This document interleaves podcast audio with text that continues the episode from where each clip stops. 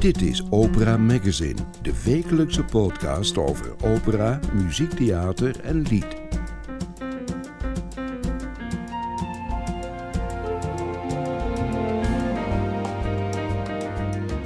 In deze aflevering van Opera Magazine hoort u hoe het orkest van de 18e eeuw met dirigent Kenneth Montgomery, regisseur Alexander Oliver, een cast van bekende zangers en Roberta Alexander zich voorbereiden op de nieuwe operaproductie Die Zauberfleuten, die schouwspieldirectorin.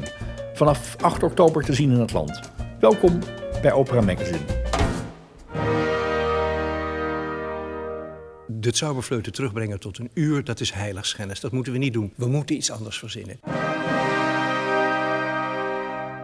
The whole thing is a set of, of, of, a casting director trying initially to cast a Zauberflöte and then getting the dreadful news that because of COVID regulations, which is actually what happened to us, um, it cannot be Zauberflöte. It has to be something shorter, something more compact. De zangers zijn één voor één fantastisch.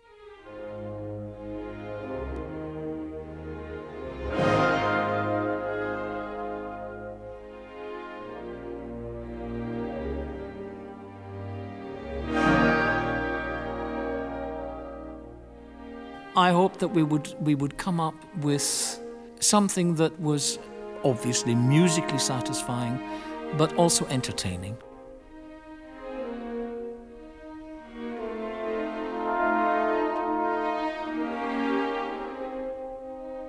De opera Die Zauberfleuten is het vertrekpunt voor de productie die het orkest van de 18e eeuw binnenkort in theaters en concertzalen brengt.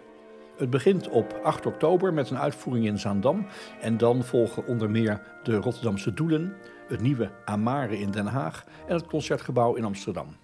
Niet alleen die Zauberfleuten, maar ook der Schauspieldirector en zelfs Iedereen Pastore leveren materiaal voor de voorstelling, waarin het allemaal draait om casting, om de beste zangers en om de moraal. Bescheidenheid voor wie op het podium staat.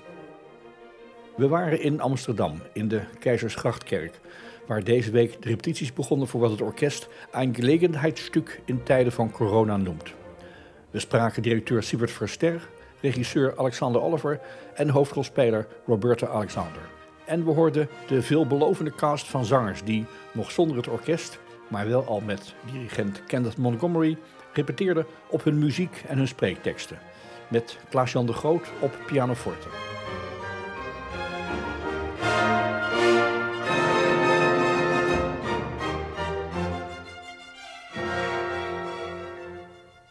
Ondanks alles kwam er toch deze 174ste tournee van het orkest van de 18e eeuw. Vraag aan directeur Siebert Verster hoe dat gelukt is. Hoe heeft het orkest overleefd? Dat is een ingewikkelde vraag. Maar de belangrijkste conclusie is dat we het overleefd hebben. Om precies te zijn, op 28 augustus jongstleden hebben we ons eerste concert gegeven met het volledige orkest weer. Dus ook de blazers, dus ook de helft van de muzici, ongeveer 25, die uit andere landen komen, andere werelddelen vaak. Want dat is typisch orkest 18e eeuw. Uit de hele wereld muzikanten die allemaal niet meer konden reizen natuurlijk. Zo is het. Dus we hebben die 18 maanden weten te overleven door veel met elkaar te telefoneren, veel met elkaar te zoomen, veel met elkaar te schrijven, te praten over de toekomst en mooie herinneringen ophalend. En we hebben hier en daar wat kleinere projecten gedaan, maar dan meestal met alleen strijkers omdat juist de blazers ouder, breekbaarder, kwetsbaarder zijn en uit andere landen komen. En we hebben dan hoofdzakelijk opgenomen en gestreamd. Maar echt, het orkest van de 18e eeuw is eigenlijk pas 28 augustus in het muziekgebouw voor het eerst weer te samengekomen. En dat was wel leuk, een beetje symbolische boog. Toen minister-president Rutte aangaf dat het eventjes misging in maart vorig jaar, waren wij in deze kerk waar we nu zijn met Alexander Melnikov uh, onze generale repetitie aan het doen. Dus het orkest kreeg toen, vlak voor, tijdens die repetitie te jongens, het houdt even op. Toen waren we nog naïef en optimistisch en toen dachten we, nou dit is rot, dit is jammer, maar over een paar weken doen we de Matthäus. Nou, forget it. En we hebben nu die reunie weer met diezelfde Alexander Melnikov gevierd. En dat was een groots, groots moment. En uh, dankzij de ondersteuning van de Nederlandse staat is het ook zo dat, en dankzij het feit dat we zelf nogal spaarzaam zijn en een klein bureautje hebben, bijna geen overheid, is het zo dat orkestleden eigenlijk ook dat aan inkomsten gekregen hebben wat ze dachten te zullen krijgen gedurende het jaar. Dus, en verder hebben we allemaal. Twee mensen zijn behoorlijk ziek geweest, één zelfs heel ernstig, maar we, we zijn er allemaal weer. Ook de zangers hebben last gehad, financieel, maar ook persoonlijk gezondheidstechnisch van, van COVID. Ehm, er was ooit die serie Mozart-opera, de Da Ponte-serie daarvoor al, Entführung, Idomeneo. Twee jaar geleden was het Don Giovanni. En nu zou eigenlijk die Zauberfleuten voluit worden gebracht. Nou, dat kon niet, hè, dat was heel duidelijk. Hoe ben je gaan denken over een alternatief? Wat voor stap heb je gezet in het ontwikkelen? Ja, het was vroeger altijd mijn taak om aan een Frans te vragen... Frans, wat wil je nou nog doen? Wat wil je doen? Opera. En toen hebben we ooit een Rameau-opera gedaan met de hulp van regisseur, Jeroen Lopez Cardozo, met een heleboel verschillende landen. Dat was een ontzettende mooie productie, maar zo kostbaar en zo duur en zo ingewikkeld. En Frans werd steeds fragieler. Dat ik nadat dat gebeurd was, dacht, dit moeten we niet meer doen. Er zijn te veel mensen bij betrokken en het zou zomaar kunnen zijn dat het dan alle voorbereidingen voor niets geweest zijn. Maar het bloedkruip werd niet gaan gaan. Frans wilde dolgraag toch een opera doen. En toen hebben we dat semi-concertante eh, concept omarmd. Het orkest op het podium als motor van geluid. Klinkt natuurlijk ook prachtig, meestal in concertzalen. En daaromheen in een lichte regie. Dat is een traditie die heeft... Uh, Frans begonnen met de entvoering, zoals je net zei. En hebben we daarna elke twee jaar kunnen doen. Eén keer met Ed Spanjaard en daarna een heleboel keer met onze vriend Kenneth Montgomery. En um, toen dus ja, ik weet niet eens meer hoe lang het nu geleden is, maar laten we zeggen een half jaar geleden of zelfs langer geleden duidelijk werd dat de situatie zeer onzeker was en dat alle concerten in feite geannuleerd werden in Nederland, uh, ontstond een situatie waarin je weer opnieuw met de zaal contact kon zoeken, maar niet wetende hoe de situatie zou zijn, werden de uitkoopsommen onmiddellijk gehalveerd en uh, ging men ervan uit dat je, als het al door kon gaan, het misschien twee keer in een versie van een uur moest spelen. Dus bij elkaar komend hebben we gedacht... de Zauberfleuten terugbrengen tot een uur, dat is heiligschennis. Dat moeten we niet doen. We moeten iets anders verzinnen. En dan krijg je het mooie dat een team... dus dat was Sandy Oliver, de regisseur... Kenneth, in een iets latere fase Don Duins, de tekstschrijver... en ik bij elkaar zijn gekomen en al pratende en al grappende en al huilende van verdriet iets anders verzonnen hebben. En daarbij hebben we telkens dus rekening moeten houden dat het aanzienlijk minder kostbaar moest zijn. En dat het zodanig in elkaar moest zitten dat we twee versies van een uur op een avond zouden kunnen spelen. Maar ook, als het mee zou vallen, als de situatie beter zou gaan, wat godzijdank nu het geval is, het konden uittrekken als een harmonica tot één stuk met een pauze, een avondvullend stuk. Wie nou het eerst dit gemompeld heeft, weet ik niet meer. Maar toen zijn we gekomen op het idee van een auditie voor het Zauberfleuten. Waarbij je dus een aantal solisten en de trombones en het koor niet uitnodigt. Die hebben allemaal een compensatie gekregen, maar daardoor is het toch financieel iets minder kostbaar geworden. Maar waarbij het concept zo is dat op het moment dat de voorstelling langer wordt, je kunt zeggen, oh, maar dan kunnen die mensen die auditie doen, die kunnen twee aria's zingen, of drie aria's, of nog een duet. Als dus wat nu het geval is, we de hele voorstelling mogen geven, dan kunnen we alles doen wat we van plan waren. En als het zo geweest zou zijn, of als het zo weer wordt dat we toch met een slechter wordende gezondheidssituatie te maken hebben, dat we terug moeten naar een uur, dan gaat er dus gewoon simpelweg wat aria's uit. En eenmaal gekozen hebbende voor de vorm van een auditie van de Zauberfleuten, kwam natuurlijk opeens het idee van ja maar luister eens, als Mozart zelf een opera gemaakt heeft die over een auditie gaat, dan is daar misschien eigenlijk een heel leuke manier om die dingen in elkaar te vlechten. En zo is dus het idee ontstaan van Zauberfleuten, Der Schauspieldirektor, een gelegenheidsstuk, dat is een tekst die Mozart zelf in de partituur geschreven heeft, een gelegenheidsstuk in tijden van corona. En omdat we toen Roberta hebben verleid om een belangrijke rol te spelen, hebben we de schauspieldirector veranderd in die schauspieldirectorin. Zo is het gebeurd. En daarom hebben we Roberta Alexander in een gesproken hoofdrol, Kenneth Montgomery voor het orkest. Het complete orkest van de 18e eeuw weer op het podium. Zonder koor, maar wel met hele goede solisten. Ik zie dat ze al binnenkomen. Um, volgens mij gaat de repetitie zo beginnen. Laten we gaan luisteren wat ze gaan maken van die bijzondere combinatie. Die schauspieldirectorin en die zauberfluit.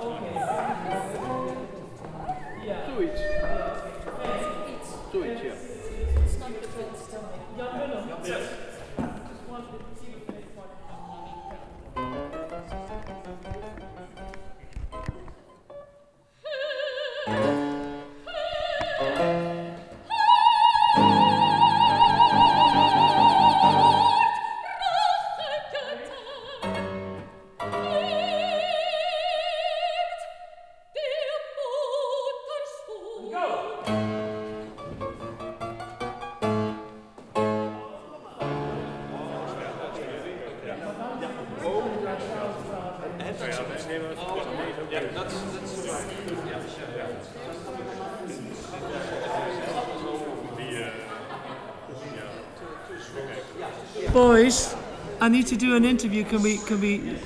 Thanks. Sorry, won't take long.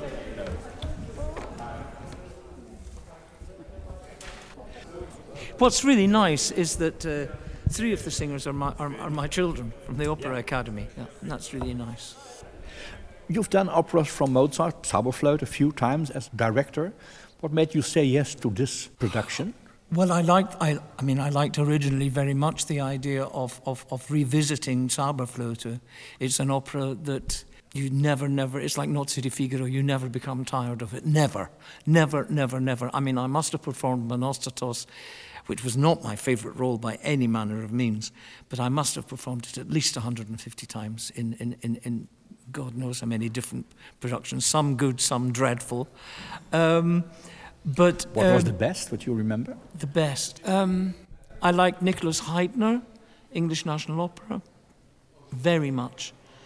Um, where Monostatos, interestingly, was not blackface, um, apropos of the discussion that we were just You having. were just talking about blackface and the role Yes, well, it's delicate. It's a delicate question. It is a delicate question, especially today.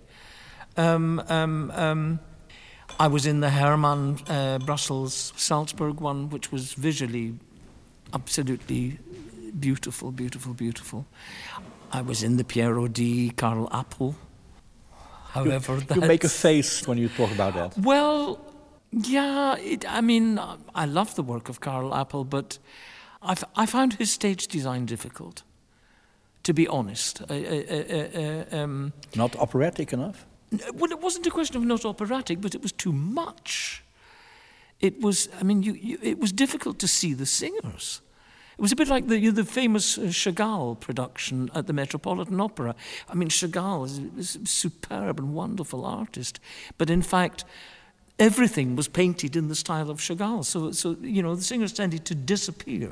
Too much paint, too little singers. Yeah, exactly, exactly, exactly. And now you're doing the Zauberflöte, but parts of it, arias. It's, Yes. And it's all based on die Schauspieldirektorin. We talk about Yes, it, it's, it's the, the idea which, which, which, which, which we came up with is that in fact it's about auditioning, because Schauspieldirektor is about auditioning as well. So the whole thing is a set of, of, of, of, of, of, of, of a casting director trying initially to cast a Zauberflöte and then getting the dreadful news that because of COVID regulations, which is actually what happened to us, um, it cannot be Zauberflöte. It has to be something shorter, something more compact. That was a choice the orchestra had to make Oh, yes, after months having ago, planned months months. the original Zauberflöte as part of the series like Notze and Yes, Don Giovanni exactly. Così fan tutte. So it's all about COVID. So it's, it's from itself, it's urgent and relevant. And indeed, it's, it's, it's very actual. yes, yes. But what's the concept? What did you, because you have very much limitations. You play in concert halls like the Concertgebouw, Doelen, Yes. in a church. Uh, what are the limitations that you have to cope with as a director of this production? Well, we have very, really very limited actual acting space, you know, so the whole thing has to be kept very, very, as far as possible, very contained. Um, so it has to be done very economically, space wise, also, to be honest, budget wise. I mean, it's a, you know, it's a. No Karel Appel, no No, Chagall. certain, thank God, no. no, don't, don't, you must not. I won't- you must not lead me won't edit it into into saying slanderous things about Carl Well, you're famous for that. How dare you? I'm not. So, no big decorations, no big props. There is a bell. You were just talking. There's a bell, yes, yes. Talking about the bell that is used by the Schauspieldirektorin to Yes, singer. to get the new singers in for the for the Uh-huh. auditions, and the singers come. They come and audition for their roles, and then then we have the the dramaturgy is is that um, the last singer turns up too late for the auditions.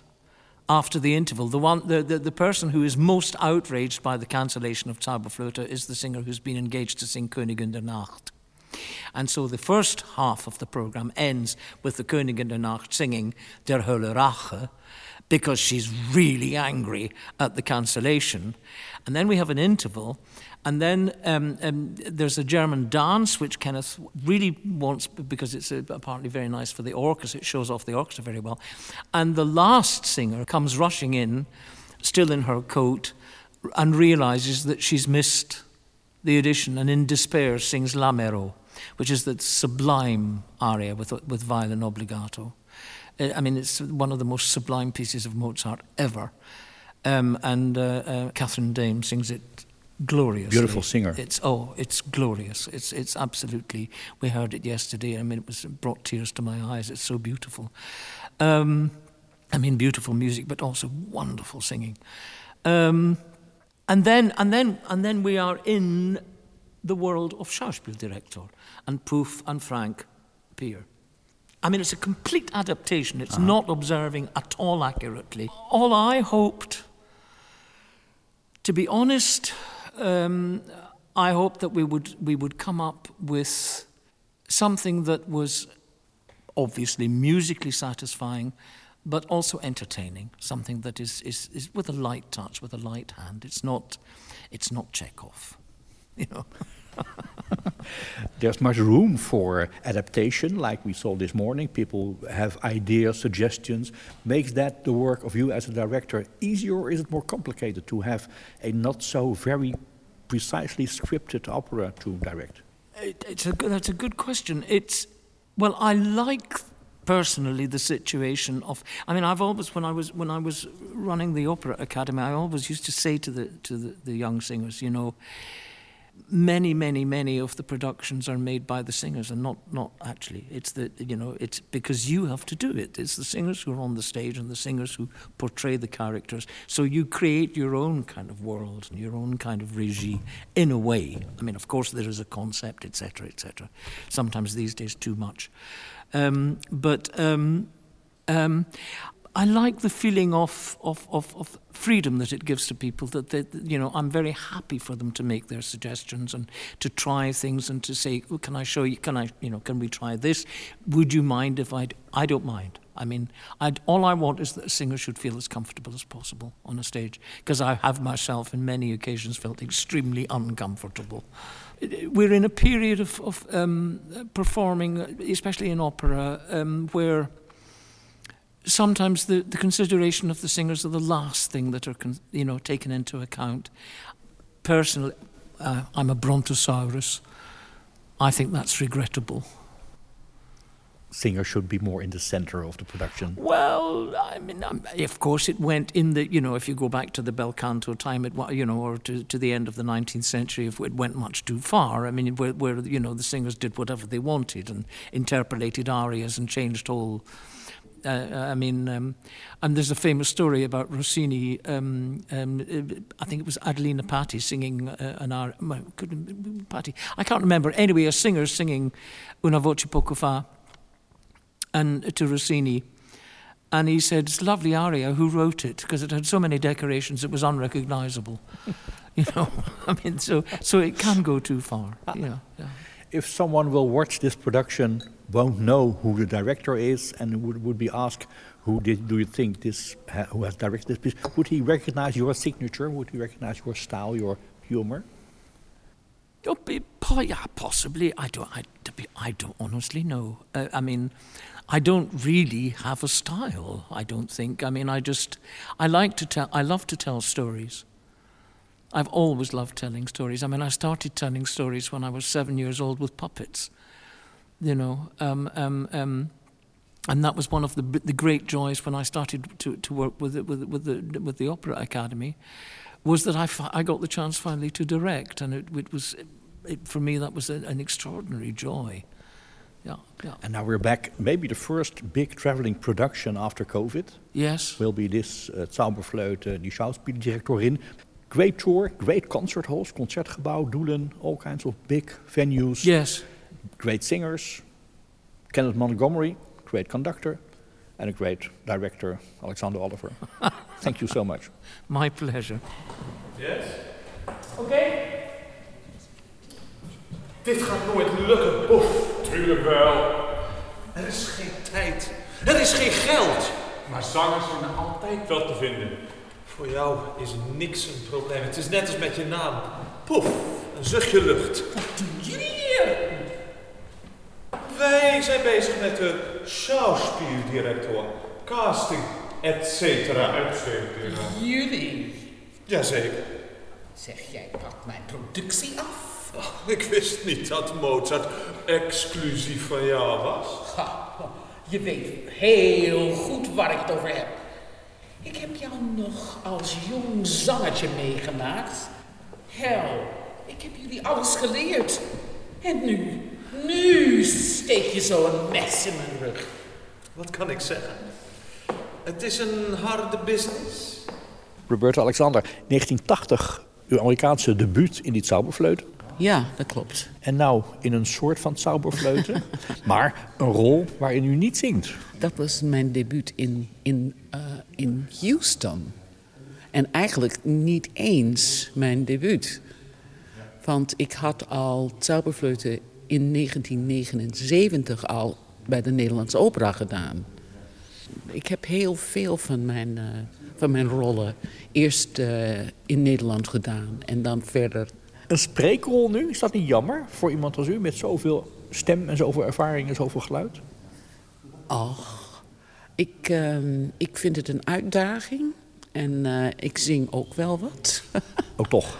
ja, af en toe. Maar um, ja, ze hebben me gevraagd en ik vond het, ik vond het een uitdaging om uh, niet te zingen. Een dus, spreekrol vinden zangers vaak nog best wel een klus. Vind ik, ik, vind het heel moeilijk. Wat maakt het lastig? Uh, nou ja, vooral um, je moet wel je, je stem gebruiken alsof je zingt. Op het moment dat je zo'n hele avond, een anderhalf uur uh, spreekt um, verkeerd, dan is het net zo hetzelfde alsof je een anderhalf uur verkeerd zingt. Niet zo makkelijk als het lijkt dus? Nee, helemaal niet. Dus het heeft ook wel enigszins het gevoel van, van uh, een beetje namaak spreken. Dus een balans vinden tussen die twee dingen. Dat wordt wel beter geregeld met versterking, moet ik met elektronica. Er komt een zendertje bij voor de grote ja, zalen. Ja, dat denk ik. Ja. Anders dan krijg je wel dat hele verkeerde manier van spreken. Nou, dat willen we ook niet. Hè? Dat is ook niet haalbaar volgens nee. mij, om, om, in een grote zaal dat geluid te vullen met een gesproken nee. tekst. Ja. Ja. Dus het, het, is een mengvorm, het is een rare productie. Het is die Zauberfleuten muziek, vooral in de eerste deel. Het is ook die, der Schauspieldirector, vertaald vanwege uw rol naar de die Schauspieldirectorin. Ja. Een managementfunctie, zal ik maar zeggen, in ja, de opera. dan ben ik, ik ben wel de, de, ja, de bozewicht. Die casting director, dat is geen leuk type. Is dat ook een beetje wraak op al die mensen die u misschien in het begin van uw carrière ook hebt gezien aan zo'n tafeltje? Wat een, wat een, vraag. Ik heb het daar net vanochtend over gehad. Uh, ik vind het moeilijk om zo uh, gemeen te zijn tegen, tegenover jonge mensen. Ik ben, uh, ik ben de glas half vol type. maar ik, ik, dat werd mij dus wel verteld door Alexander Oliver luister eens, het gaat niet over jou, het gaat over de schauspieldirectorin. Dus, en dat is een harde dus, tante. Dat is een harde tante, ja. Zit er iets in van dat verleden? Want u heeft vast ook wel een keer op een podium gestaan met zo'n mevrouw of meneer aan een tafeltje die dan roept Zeker next. weten, zeker weten. Absoluut, next. En dan kun je heeft, gaan... u, heeft u iets in het Italiaans, heeft u wel iets in het Duits of naar, naar, naar één zin? Gewoon, thank you. Uit het leven gegrepen. Ja. Het, het, verhaal voor de pauze is vooral muziek uit die Zauberfleuten. Het eindigt met, uh, dat hebben we net in de repetitie gezien, die Hullerache, die buitengewoon boze koningin der nacht. Waar ja. iedereen van schrikt, waar zelfs de schauspieldirector in een beetje van schrikt, zagen we.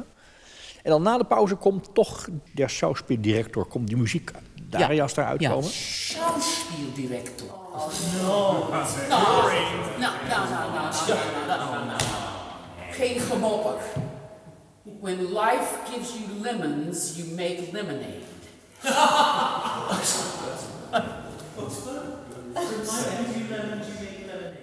Hoe loopt dat verhaal verder? Nou ja, bij uh, de, het verhaal, dat, uh, dat wil ik eigenlijk niet verklappen. Hè, want... Spoiler alert. Spoiler alert. Maar um, ja, uh, het is wel zo dat op het moment. Ja, kijk, nu met de, met de opening van dat alles weer een beetje open is en dat je geen anderhalf meter moet doen en er geen mondkapjes op eh, in de zaal zelf, enzovoort, enzovoort, eh, lijkt het wel alsof de hele concept is, eh, is voorbij. Maar dat is niet zo. Want de meeste zalen willen toch niet zo'n lang programma. Dus het moet toch weer ingekort zijn. Dus je, je bent tussen, is het wal en schip beland.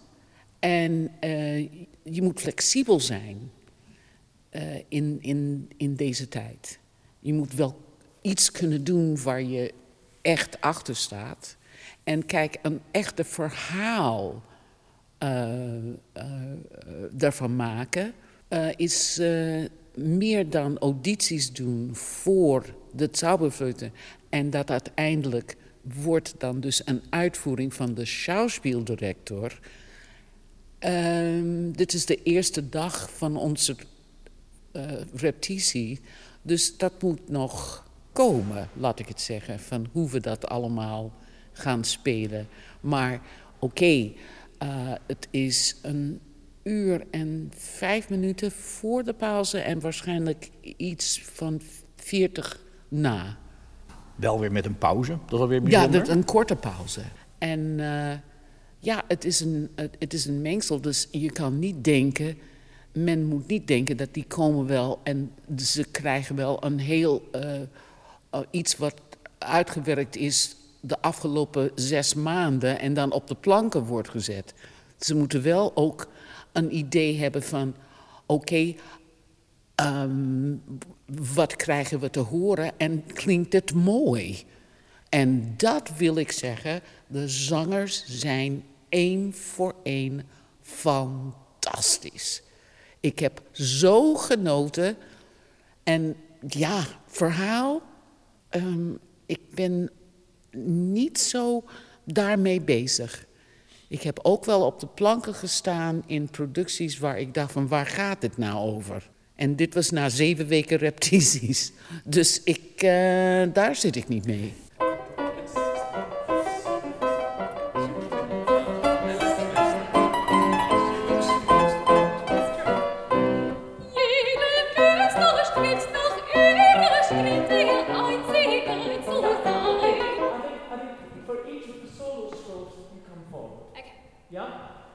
Because that's really for the audience.